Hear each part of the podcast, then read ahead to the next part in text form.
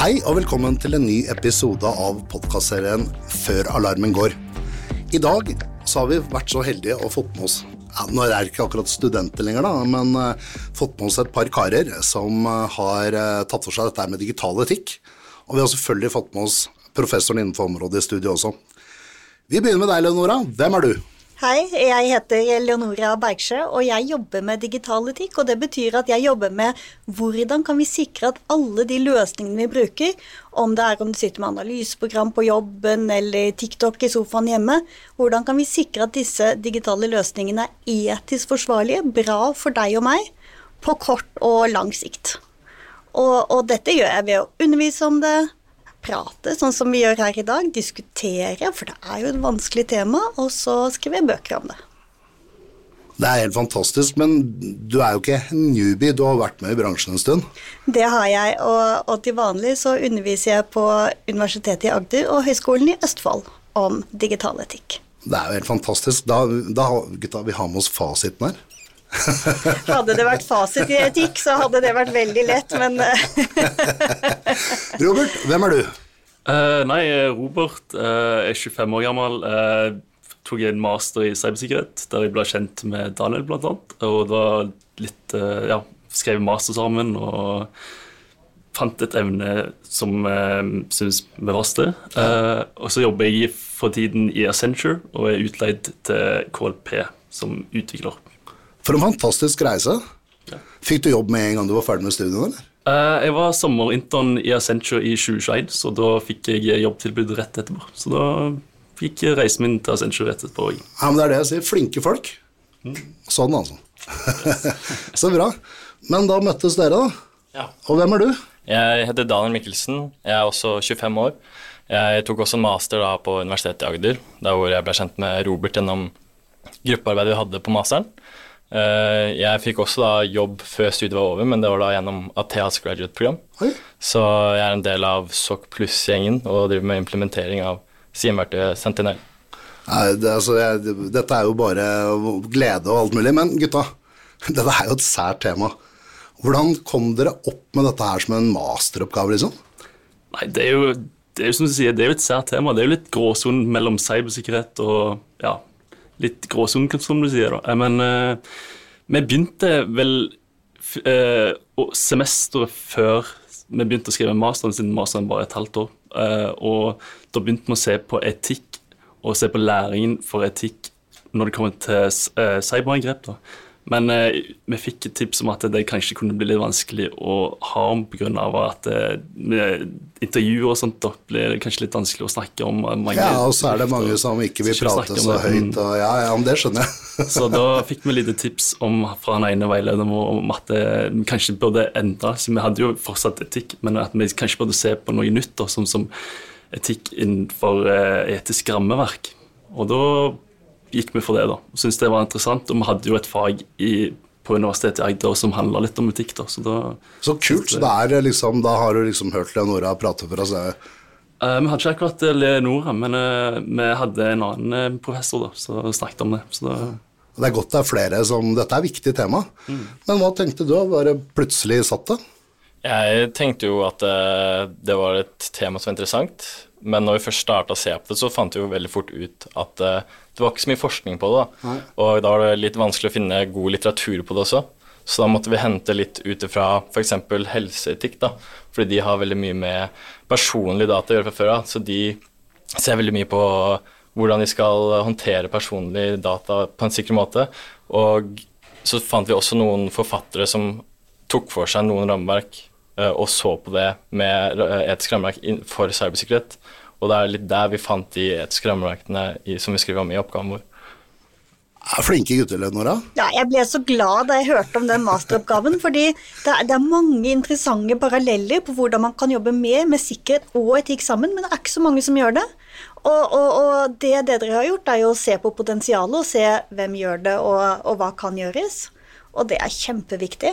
Og jeg møter jo mange som har lyst til å gjøre det, og som sier i min jobb det er ikke bestillingen, det er ikke så, det er ikke så mye fokus på det, men, men, vi ser at det er kjempeviktig.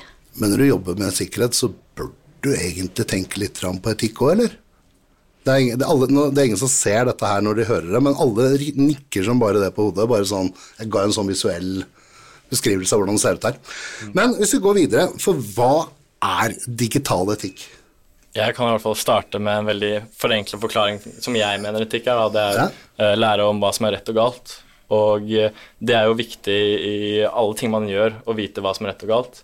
Men spesielt da innen uh, sikkerhet, uh, IT-sikkerhet og for bedrifter, så er det kanskje det at det, de teknisk kompetente og som jobber med sikkerhet hver dag, vet hva som er best practice og hva man skal gjøre, men det da ikke er skrevet i noen retningslinjer, noen prinsipper de skal følge eller noen regler, til de ikke så teknisk kompetente personene. Og da blir det litt vanskelig for dem å gjøre det som er rett, da. Og derfor føler jeg at det er viktig for organisasjoner å kanskje få det som er best, practice for oss sikkerhetsfolk, mer ned på papir og kanskje litt mer forklart til de som ikke jobber med sikkerhet hver dag. For da vil de da lettere gjøre de rette valgene da, i sin arbeidshverdag. Jeg syns det var en glitrende forklaring, og jeg som på en måte er litt opptatt av sikkerhet, jeg, jeg kjenner, kjenner jeg blir varm om hjertet. Vil du fylle på, Robert? Ja, eh, nei, altså det er jo som Daniel sier, det er jo valgene som vi tar, og det som er rett og galt. Men jeg kan òg tenke på at eh, folk bruker jo AI. Eh, Det er jo et veldig kjent eh, verktøy som er blitt tatt i bruk ofte nå, eller mye i mediene, som heter Ja, ja. ChatGPT. Ja. Det er jo Folk kan jo bruke det på eksamener, kan bruke det på, på jobb, blant annet, og da må det jo være retningslinjer som, kan, ja, som er, er på det. Da, de kan jo potensielt være lekkes ut. da.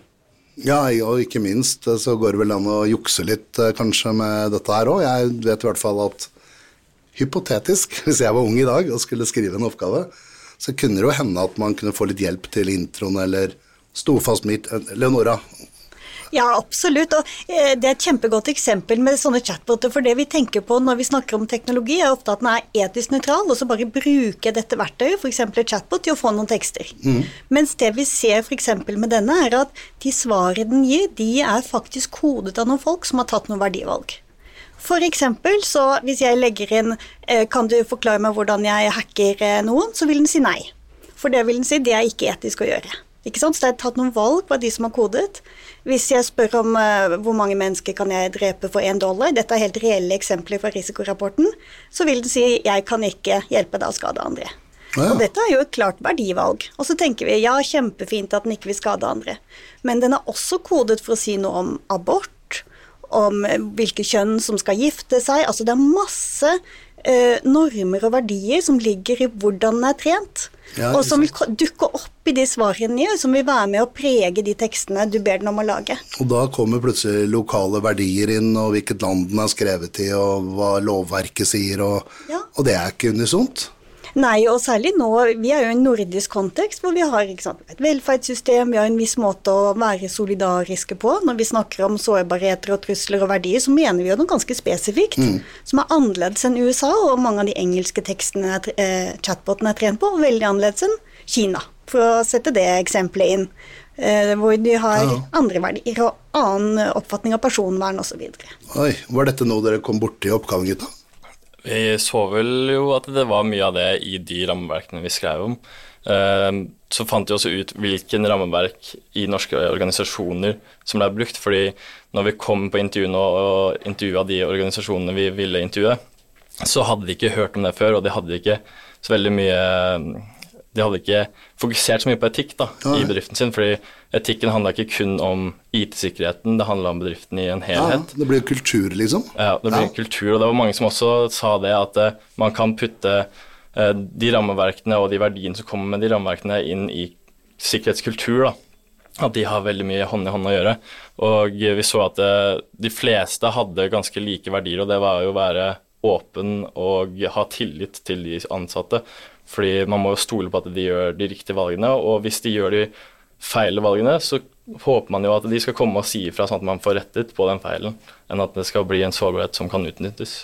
Tror dere vi er mer eh, jeg vet ikke, åpen og ærlig og her på berget, liksom? Altså Statistisk sett så har vi jo mer tillit, og hva betyr det? Jo, betyr f.eks. at vi gir mer frihet, er mer åpne. Og da gjør vi jo så, oss selv mer sårbare. Og det er ok når vi jobber innenfor en liten norsk kontekst, men vi jobber jo med verktøy som er utviklet for andre markeder, stort sett. Og her kan det ligge noen risiko som vi er nødt til å snakke om, hvordan vi forebygger.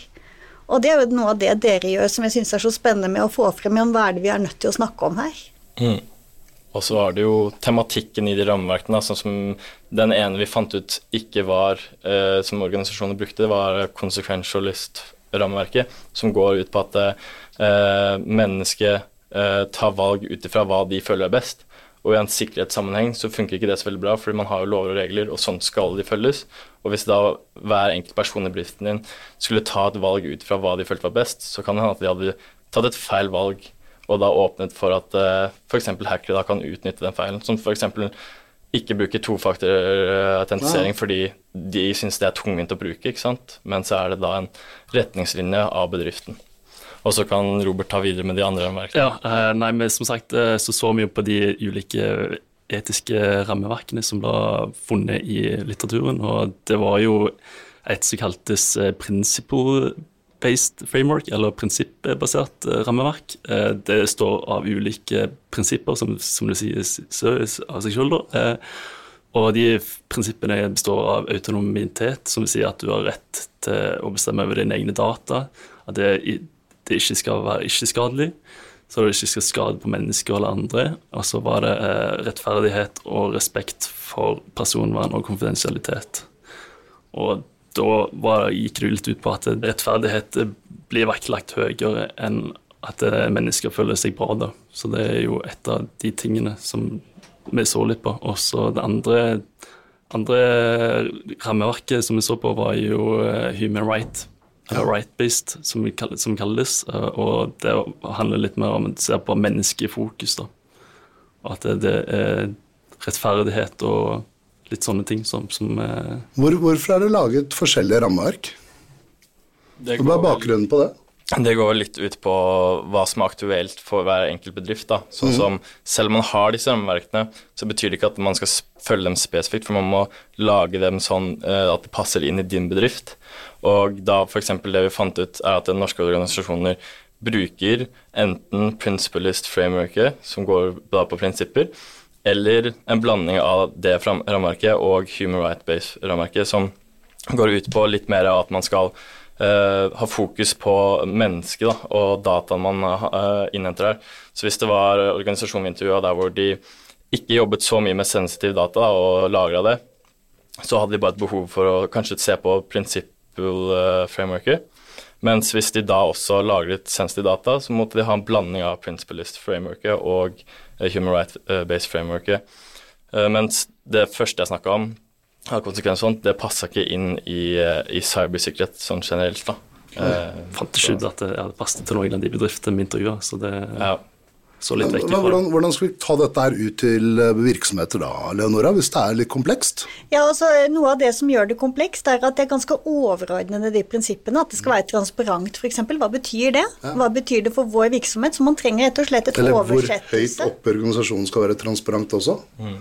Absolutt. Trenger alle å vite alt? Dette er jo et typisk sikkerhetsspørsmål. Ja. Og, og, jo mer ikke sant, Forsvarets forskningsinstitutt river seg i håret over sånne prinsipper, mer enn en del andre virksomheter gjør. ikke sant? Så her, det er vanskelig å finne riktig nivå. Så man må rett og slett ta en oversettelsesjobb fra de overordnede rammeverkene som finnes, og Norge har et, og mange virksomheter har det, og ned til hvordan jobber vi.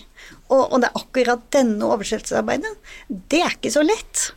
Hvem er det som gjør det? Er det, det er strategiske rådgivere som er inne på banen og på en måte kjenner virksomheten, kjenner økonomien, kjenner kulturen, og så hjelpe til å finne riktig rammeverk? Ja, altså, Jeg jobber sammen med forskere nå som skal hjelpe bedrifter å gjøre det, og det vi vil er å finne en metode som alle norske virksomheter kan bruke. Derfor har vi valgt ut veldig forskjellige virksomheter, store og små og mellomstore, offentlige og private. Vi har f.eks. Nav og DNB, Posten, og så små virksomheter innenfor helse og også skolesektoren. Og så skal vi jobbe med dem, og de verktøyene de bruker kunstig intelligens baserte, de verktøyene de lager for det norske markedet, det skal vi se på. Hvordan oversetter de disse overordnede prinsippene inn i praksis? Hvordan koder de det faktisk? Og jeg tror at hvis man tester ut noen metoder, så kan vi finne en som funker for det norske markedet, for det har vi per i dag ikke. Det er jo dere gutta som har intervjuet mange. Tror du det hadde hjulpet til uh, Hadde det gjort verden lettere, sånn? I hvert fall for Norge, da. Det ville vært lettere å ta kanskje riktigere beslutninger, da. Mm. Og det er jo det oppgaven vår baserer seg mest på også, at man skal klare å opprettholde sikkerheten til bedriften ved at uh, valgene de ansatte tar, er så bra som overhodet mulig. da. Og det er kanskje en perfekt verden hvis man tenker at man gjør alltid de riktige valgene, men i hvert fall skape ut ifra de rammeverkene eh, retningslinjer, regler og policyer som gjør det lettere for de som jobber i bedriften din, til å ta de riktige valgene. Mm. En ting er jo at det, det, blir tatt inn i bedriften, en annen ting er at folk lærer det. At det, det må gjennom At folk, eller ansatte, må jo lese det og gå gjennom de. Det må være en opplæring av noe slag. Ja. For det, teknologien i seg selv, er den alltid etisk? Det er, den, hvordan, det er noen har laget teknologi nå her, er det ikke? Så hvordan du kan jo f.eks. si at uh, teknologi ikke alltid er etisk, sånn som hvis man skal overvåke noe, ikke sant? så er man kanskje litt mer eh, obs på datatrafikk da, fra Russland f.eks. enn det man er fra Sverige. ikke sant? Og da, man, da skiller man jo egentlig dataen litt, så man, da går det jo litt imot etikken, ikke sant? at man skal uh, behandle alt likt. Og da blir det et visst uh, ja, ja, det, jeg forstår du, du flagger en type trafikk for å følge ja. ben. Hva kaller vi det, Leonora? Ja, nei, Det er jo en form for bias, rett og slett. Men, ja. men jeg syns vi skal understreke at det er ikke all bias som er diskriminerende nei. på en uønsket måte. ikke sant? Noen ganger er vi nødt til å gjøre forskjell, og det gjør maskinene også hele tiden. Så det vi jobber for, er at de skal gjøre velbegrunnede valg, og at de skal være dokumentert. ikke sant? Etisk forsvarlige i forhold til virksomhetens eh, verdigrunnlag. Sånn at man kan si ja, disse valgene har vi tatt, og det var derfor. Og så kan man finne ut etterpå at det var feil, og endre hvis det er nødvendig. Men det er jo veldig likt dette her at vi ønsker at folk skal oppføre seg riktig. Det gjør vi jo både for sikkerhet og, innenfor sikkerhet og etikk. Vi vil at folk skal ta forebyggende, små, mm. riktige valg i hverdagen til beste for alle. Det her er jo altså, sånn jeg, tenker, jeg, tenker, når jeg sitter og hører på det, at det er utrolig spennende. Altså, og så er det Hvis man har lyst hvis man nå lytter og så tenker man ok, nå begynner jeg å få litt grep på IT-sikkerheten min, eller kanskje til og med dette er så viktig for meg at jeg ansetter noen som kan gjøre denne jobben. Men uh, hvor begynner jeg? Altså, Det aller første er å tenke at vi har faktisk mye kompetanse på etikk alle sammen. Det går an å studere det og jobbe masse med dilemmatrening, og det må man kanskje, men, men, det er ikke sånn at hvis man ikke har studert etikk, så vet man ikke hva som er riktig og galt. Ikke sant? Dette har vi jo sterke begreper om. De fleste har eh, verdigrunnlag for virksomhetene, et sted å begynne. Du begynner, når du begynner å lære etikk, Nora, det begynner jo hjemme da, eller? Altså, Du begynner jo alltid med deg selv. Ja. Og kombinerer med kritisk tenkning. Ja. Hvorfor gjør jeg dette? Ja. Hva er eh, grunnene? Ofte så er det jo en god blanding av noen egoistiske, litt praktiske grunner og, og noen argumenter vi gjemmer oss bak, og noe som er godt etisk forsvarlig. Og det å identifisere hvilke verdier er det jeg prioriterer. Mm. Ofte må man jo veie sikkerhet og trygghet mot frihet, f.eks. Ikke sant? Og, mm. og, her er det jo verdivalg. Og, og etikken har jo ikke ett svar med to streker under, men, men, man kan ta gode avgjørelser, velbegrunnede avgjørelser. Så begynne den samtalen og si hvorfor gjør vi dette? Eh, å dokumentere de samtalene er et sted å begynne. Det er jo når man sitter og, og koder endringer, så kommer det ofte opp da, eh, Dette må jeg registrere, hvorfor gjør du dette? Ja. Og, og, da også legge inn ikke sant, etiske vurderinger. Dette har vi valgt. Dette har med disse verdiene å gjøre. Begynn å få inn i rutinene den type refleksjon er ett sted å begynne. Og så kan man si at ja, men da trenger virksomheten litt mer kompetanse på det, kanskje. Men, men jeg tror de fleste har mer kompetanse enn de tror, og så har de satt av mindre tid enn de trenger. Det, det Hva sier du til den påstanden, Thomas? Nei, Det hørtes ut som noe som faktisk holder vann, da. Det er ikke noe tvil om det. Men du ville si noe? Ja, Man kan jo også gå videre på det. Vi så jo forskning som vi baserte da vår forskning på, at uh, i Norden så reflekterer man mye mer over valgene man gjør, ikke sant. Mens f.eks. i Asia sånn, der er det mer sånn sånn her gjør du det, og så styres det litt med en frykt. Og det kan da være effektivt på mange måter, men det vil jo også da påvirke f.eks. arbeidsmiljøet, gjøre det dårligere, og det hadde jo ikke fungert i eh, Vesten, der hvor vi er vant til at eh, her skal man tenke selv, og kanskje da ta og uttrykke seg selv på den måten man vil, mens der så blir man litt, litt mer lært eh, kanskje at man skal gjøre det sånn, og sånn er det bare. Tror du det er mer effektivt? På kortsiktig så kan det være mer effektivt, at sånn her gjør du det, Ja, men ja. eh, langsiktig så får man kanskje ikke utviklet uh, seg så mye som man vil, da. Eh, og, og få de nye ideene og sånne ting. Man blir kanskje litt sperret av det. Ja, altså Dette handler jo om hva slags samfunn vil du ha. ikke sant? Altså Hvis du ser på hvem som har masse suksess med ny teknologi, så ser det jo ikke ut som kritisk tenkning er et viktig, eh, et viktig kriterium. Men nå tenker jeg på Kina. ikke Ja. sant? Eh, Men hvis vi tenker hva slags samfunn vi vil ha, vil vi ha en arbeidskultur hvor alle har lov til å stille spørsmålstegn, hvor det er lov å tenke selv, hvor man sammen finner ut av de gode løsningene, og ikke alltid sjefen har løsningen, men kanskje den nye som kommer med et nytt perspektiv. ikke sant? Da må vi en, dyrke frem en annen kultur, og, og, og det gjør vi med disse små løsningene, med å si ja, men hvordan gjør vi dette sammen? Ja, det, og det funker jo kjempe. altså Vi ser jo det i sånne arbeidsgrupper og sånn som blir satt sammen og greier. Kanskje holde igjen litt på å gjøre i Forsvaret, men, eh, men, men, men, eh, ellers. Hva tenker du, Robert? Har du noe innspill på det? Eh, Hvordan setter du sammen grupper? Har du noe peiling på det? Nei, det er litt vanskelig. Altså, I Accenture har vi en egen sånn strength finder, der vi setter opp Eller vi setter ikke opp egne grupper for spesifikke ting, da, men vi har liksom at du f går gjennom en test, og så får du opp dine egne strengths og weaknesses, eller, eller svakheter. Ja, ja, ja. Og Det er jo ganske interessant å se på hva de andre i teamet ditt har eh, sterke og svake på. Du kan jo spille de gode på de tingene de er gode på, og litt sånne ting. da.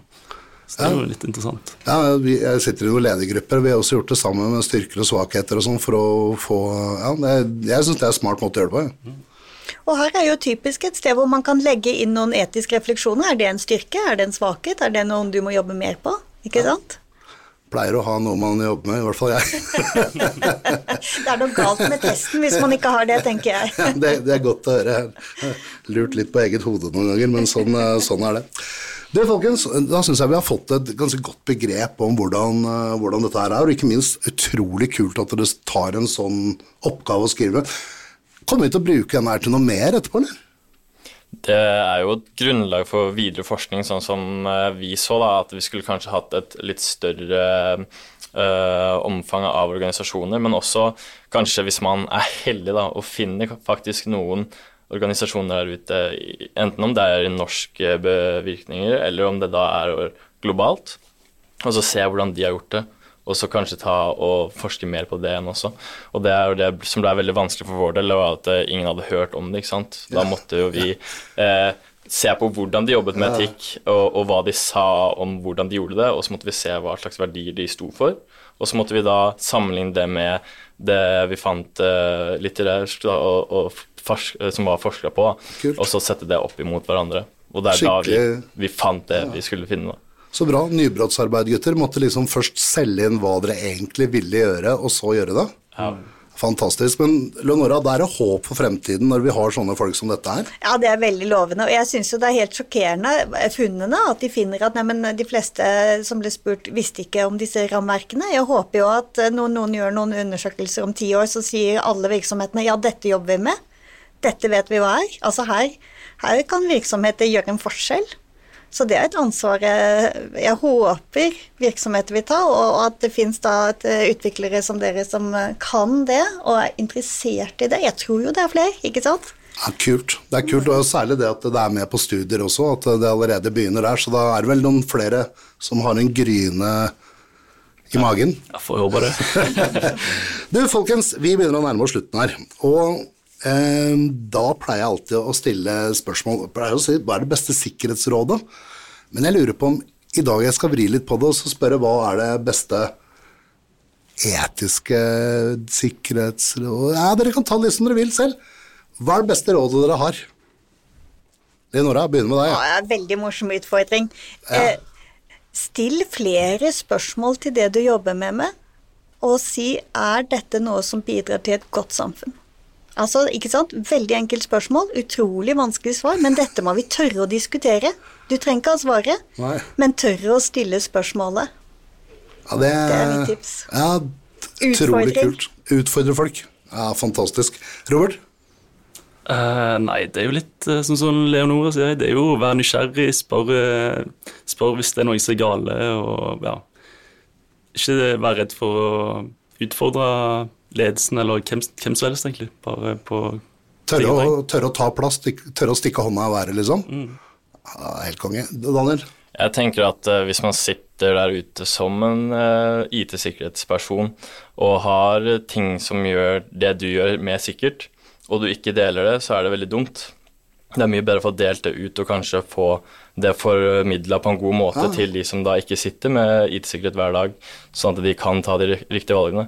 Og da kanskje ta det opp med noen ledere i bedriften eller noe sånt, da kanskje få retningslinjer sånn på det, sånn at man kan sikre bedriften bedre. Spesielt hvis man har et ansvar overfor sikkerheten i bedriften sin, så vil jo det bare gjøre det bedre for deg selv også. Fantastisk. Det, det, det, lik, det likte jeg godt, altså. Eh, helt på slutten, litt mer useriøst her. Vi har vært veldig seriøse gjennom alt vi har gjort. Men hva er deres favoritte smartdevicer? Da går jeg andre veien tilbake. Jeg begynner med deg, Daniel. Jeg tar jo det kjedelige svaret som alle andre pleier å ta, det er jo telefonen. Jeg var jo ikke så avhengig av den. Jeg, var litt sånn De fleste starter med smarttelefon nå ganske på barneskolen, har jeg hørt at uh, Men jeg starta egentlig ikke å bruke telefon sånn ordentlig før kanskje midten av ungdomsskolen. Da så jeg behov for det, fordi ellers så var det bare å dra til vennen sin og ringe på, da, enn å ta og ringe noen. Så Ja. Men telefonen nå er jeg veldig avhengig av det. det. Alt jeg gjør, gjør jeg på telefonen, på en måte. Så Ja. Nei, men det er eh, Verden har jo blitt sånn. Jeg ville sagt eh, ikke, ikke mobilen nødvendigvis, men eh, PC-en. For jeg gjør jo alltid jobben der. Og da Ja, det er jo noe jeg bruker hver dag. Det er noe som jeg er avhengig av, kan du si. Det er det veldig få som har svart så langt. Jeg tror du er den første, faktisk. Ja, ja. Det er jo helt fantastisk. Men det er jo kanskje det enda Ja, hvem vet. Leonora? Ja, når jeg skal, eh, skal være litt motstrøms da, av knappen. Altså det å tørre å trykke av og skape, skape et lite øyeblikk, f.eks. før klokken åtte om morgenen, som er uten smart device. En favorittstund, ikke en favorittdings. Det vil jeg slå et slag for. Du er både klok og modig, Lenora. Det er ingen tvil om. Folkens, da takker jeg for at dere tok dere tiden til å komme i studio. Og til lytterne der ute, stay tuned. Det kommer snart en ny episode av podkastserien Før alarmen går. Takk skal dere ha.